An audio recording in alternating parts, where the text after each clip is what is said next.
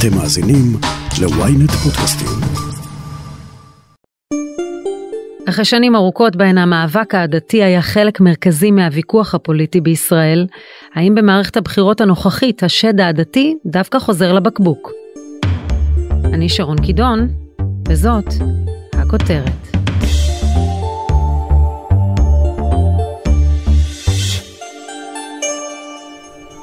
אשכנזי, עיראקי, יהודים, אחים, לוחמים! כבר שנים ארוכות בישראל נוצרה התאמה בין השיוך הפוליטי לשיוך העדתי. גם אם לא ממש מדברים על זה, כל מי שעוסק בניתוח מגמות פוליטיות יודע שמאז המהפך ההוא של 1977 ובעקבותיו הניצחון של 1981, יוצאי עדות המזרח מצאו את ביתם הטבעי בליכוד והשאירו את מפא"י ההיסטורית וגלגוליה לאשכנזים.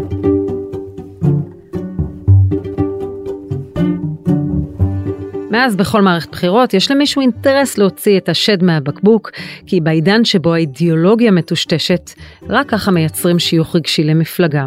מזרח ומערב ביחד מראים לנו בתרבוקה.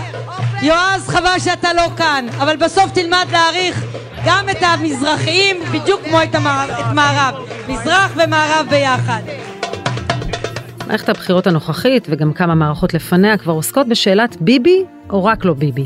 וייתכן שלראשונה נראה שהנושא הדתי זז מעט הצידה.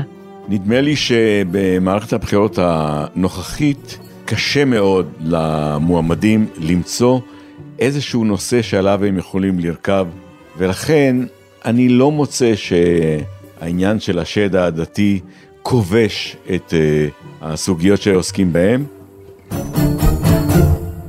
אם שואלים את שמעון שיפר, הפרשן הוותיק של ידיעות אחרונות, שגם ראה מערכת בחירות אחת או שתיים בחייו, השד העדתי עדיין רלוונטי בחיינו, וגם כנראה ילווה אותנו עוד שנים ארוכות, אבל היום בישראל 2022, הוא לא מה שיגרום לרבבות אנשים לנוע למפלגה כזאת או אחרת.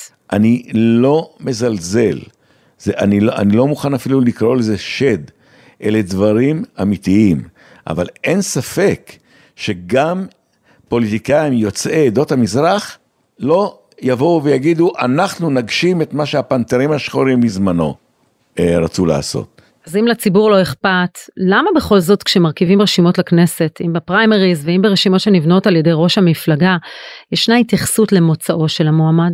קודם כל צריך להגיד ביושר, ההרכב של החברה הישראלית, יש בה אשכנזים, יש בה יוצאי מדינות של ברית המועצות לשעבר, ויש גם uh, מזרחיים, ואם אתה רוצה לתת ביטוי uh, ברשימה שאתה רוצה להרכיב לכנסת, זה צריך לקבל ביטוי, uh, משום שזו החברה הישראלית, זה ה...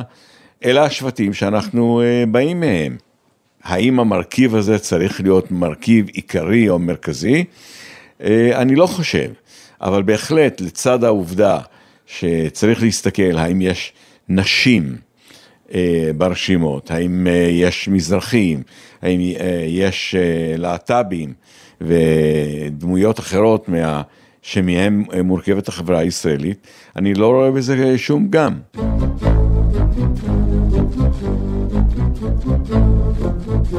אני חושב שזה כבר לא פיל שנמצא בחנות חרסינה, אלא ממוטה שנמצאת בחנות חרסינה ושלא נוגעים בו. דוקטור מוטי גיגי, לשעבר ראש המחלקה לתקשורת במכללת ספיר, חושב שהשסע הדתי נוכח בפוליטיקה הישראלית מקום המדינה ועד היום, והוא גורם משמעותי ביותר שמסביר את התנודות הפוליטיות, ולא, הוא לא עומד להיעלם.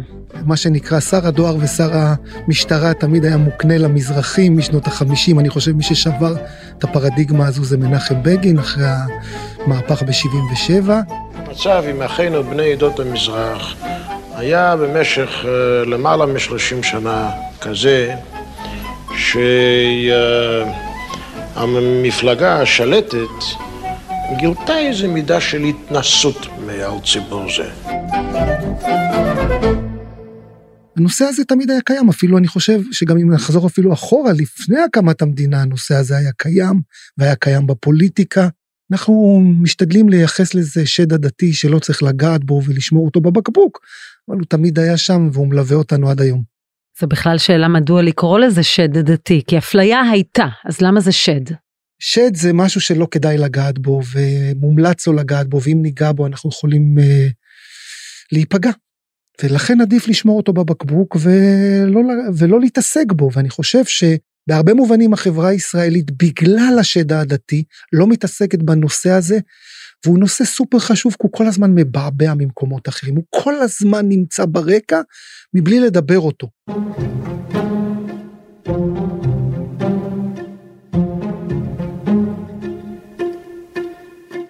אז הייתה בעיה של אפליה, בוודאי בהקמת המדינה, ואנחנו יודעים שהיו תפקידים שמיועדים ליוצאי עדות המזרח, והייתה הגמוניה אשכנזית, ועדיין, מתי המלחמה על האפליה הזו מרימה ראש? מתי זה ממש קורה ושמים את זה על השולחן? זה קורה בכל מיני מומנטים בהיסטוריה. אם אנחנו נסתכל מקום המדינה, אז 59 זה ואדי סאליב, 71 זה פנתרים השחורים, 84 זה ש"ס.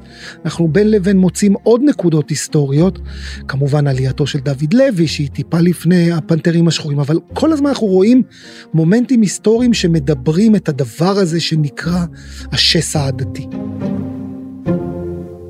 הפנתרים השחורים בשנות ה-70, המאבק שלהם הוא מאבק עדתי או מאבק של אנשי שוליים, אנשים מודרים? זה מתחבר. זה היה עדתי, זה היה מעמדי, וזה היה גם מרחבי, הם היו בשוליים, גם החברתיים אבל גם הגיאוגרפיים. ומתוך המקום הזה, תראי, זה מדהים לראות. תסתכלי את הארבע הבחירות האחרונות בין קיבוץ ניר-עם או קיבוץ ארז לשדרות. הרי הם מתמודדים פחות או יותר עם אותן בעיות. איך זה יכול להיות שהם רואים את הפתרון בתמונת ראי הפוכה. 80 אחוז יצביעו לימין בשדרות ו-80 אחוז יצביעו למרכז שמאל בקיבוצים. הרי, הרי זה נראה לא הגיוני. כי זה שיוכי. לגמרי שיוכי, ועכשיו השיוכי הוא לא רק אתני מזרחי, גם האשכנזים מצביעים שיוכית עדתית, גם אם הם לא שמים לב לזה.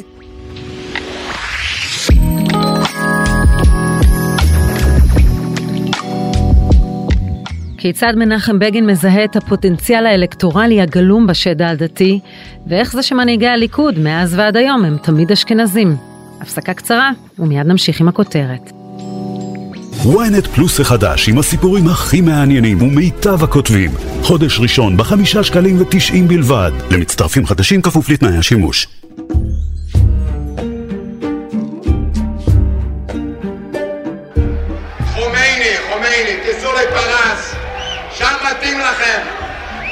חומייניסטים ופשיסטים. מערכת הבחירות של שנת 81 הייתה הטעונה ביותר והיצרית ביותר בהקשר העדתי? כן, 81 זאת הייתה מערכת בחירות קשה ביותר, היא הייתה גם אה, מאוד גבולית למי באמת אה, אה, יוביל את המדינה.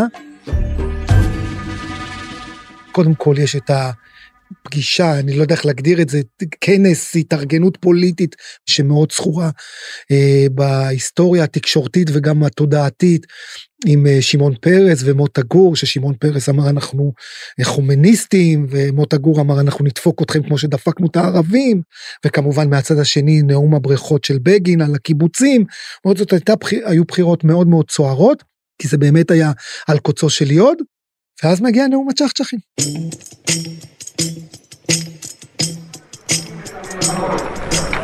הצ'חצ'חים של הליכוד הם ש"גים אם הם בכלל הולכים לצבא.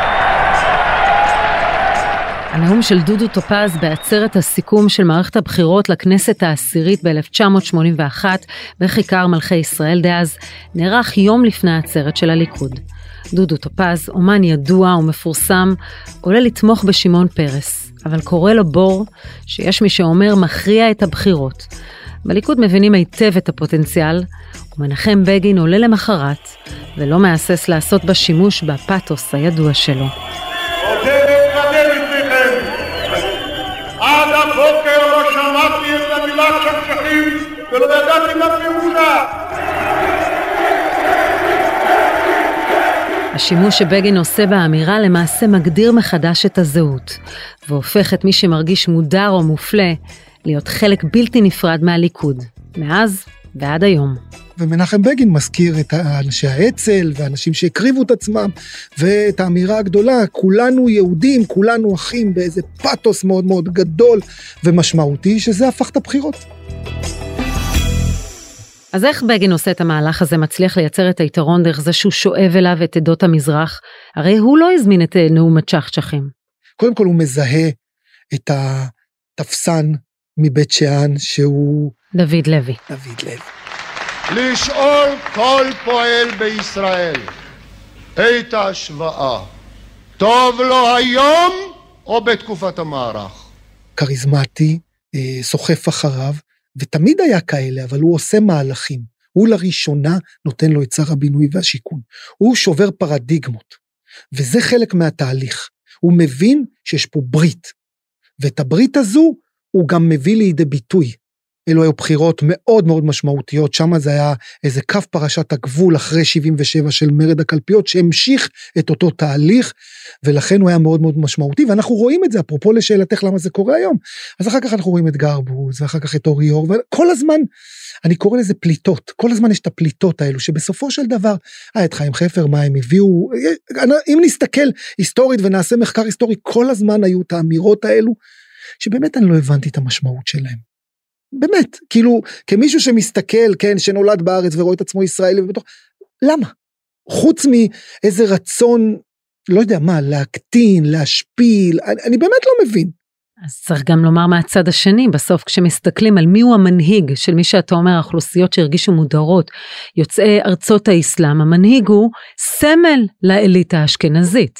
כלומר, אתה מסתכל על בנימין נתניהו, שהוא היום הסמל, עדיין, האיש בכל סממן שלו, התגורר ברחביה, אה, בן למשפחה אומנם רוויזיוניסטית אבל אשכנזית, הוא עצמו אה, גר, התגורר בארצות הברית, קיבל את החינוך שלו בארצות הברית, אין לו ולמצביעים שלו שום דבר במשותף. אני חושב שהם ממשיכים לבחור בליכוד מתוך אמונה שזה המקום שיכול להוציא אותם מהמקומות שהם היו בו, והוא הוציא אותם בשנת 77, ולכן יש פה גם שבטיות, גם כוח אנרציה, וגם זה כבר דורות, זה כבר דורות ואנחנו רואים את זה בעולם, רפובליקנים רוב הילדים והנכדים והנינים הם פחות או יותר רובם רפובליקנים ודמוקרטים באותה צורה. זאת אומרת יש פה תהליכים מאוד מאוד רחבים ואני חושב שבעניין הזה הם, הם מגינים עליו כי הם בעצם מגינים על עצמם כי אני חושב שבהרבה מובנים הליכוד הוא היה ועדיין בית שלהם. אז, אז אם צריך להגן על ביבי בשביל, בגלל שרוצים להוריד את uh, הליכוד מהשלטון וזאת ככה הם תופסים את המציאות. לא נסתכל האם היא צודקת או לא צודקת, זאת תפיסת המציאות שלהם. אה, שהם לא מצליחים להוריד את זה פוליטית, אז הם משתמשים במערכת המשפט, שמערכת המשפט אה, היא כזאת או אחרת. זאת התפיסה. זאת אומרת, יש בזה עוצמות קשות ביותר שצריך גם דור. אנחנו רואים עכשיו, יש מחקר חדש של גיל לוי ואיציק ספורטה, שהדור השלישי של המזרחים מצביעים יותר מרכז ושמאלה. ההורים והסבים והסבתות עדיין עם העוצמות של מפא"י לא יכולים לעשות את זה, ואנחנו יודעים שההצבעה היא רגשית, היא שבטית, היא לא רק רציונלית, אם בכלל רציונלית. ולכן בתוך הדבר הזה, אני לא חושב שיש להם איזה סנטימנט גדול מדי לביבי כמו שנוהגים להגיד את זה, הוא קיים, אבל הוא קיים בגלל המקום. יבוא מישהו ויחליף אותו, אני חושב שהם עדיין יישארו נאמנים לו, וזה לא משנה מי יהיה. אם לאורך זמן הליכוד לא יכניס ראש מפלגה מתוכו, שהם באמת המסה הקריטית של מזרחים, מה שנקרא יוצאי ארצות האסלאם, בתהליך של זמן הם יצאו מהליכוד.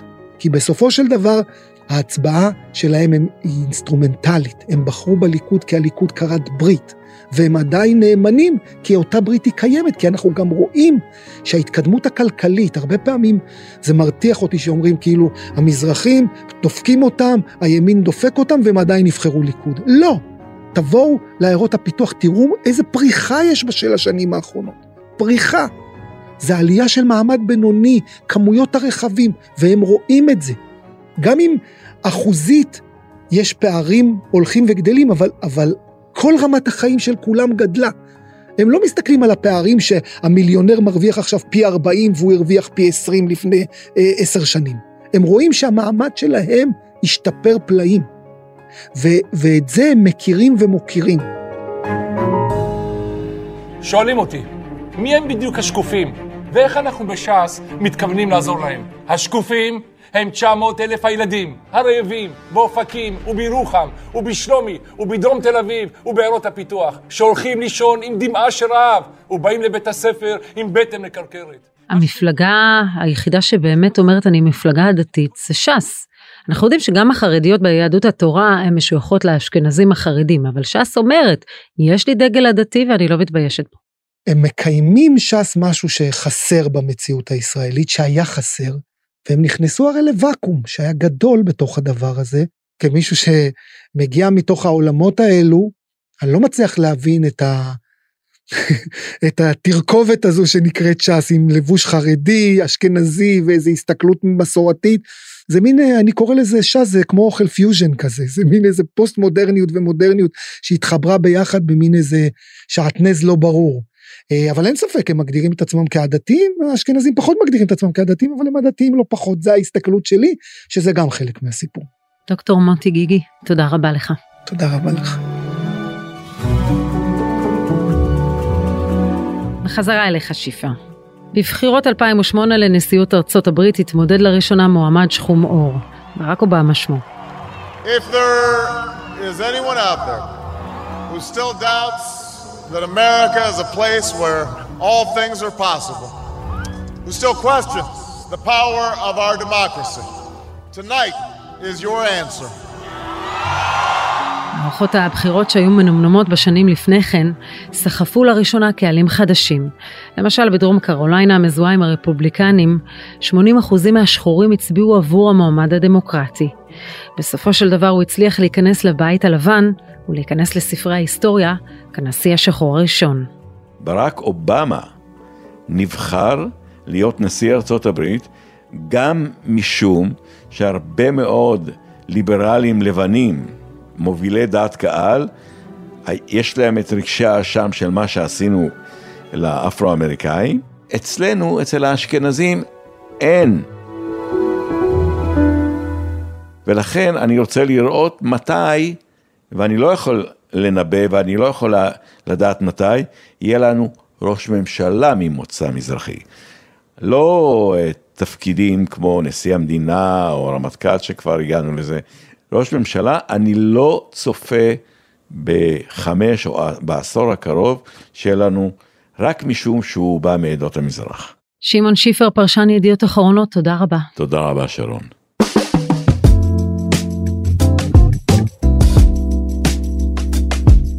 אין ספק שרבים מהחולאים של החברה הישראלית נוצרו בגלל הסללה ארוכת שנים שהחלישה עוד יותר את עדות המזרח וגרמה לתחושת הדרה.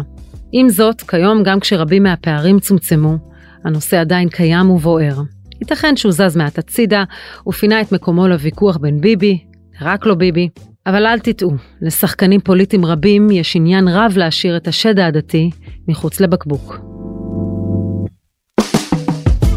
עד כאן הכותרת להפעם. אתם מוזמנים לעקוב אחרינו בוויינט רדיו, באפליקציה, בנייד וגם ברכב, או איפה שאתם שומעים את הפודקאסטים שלכם.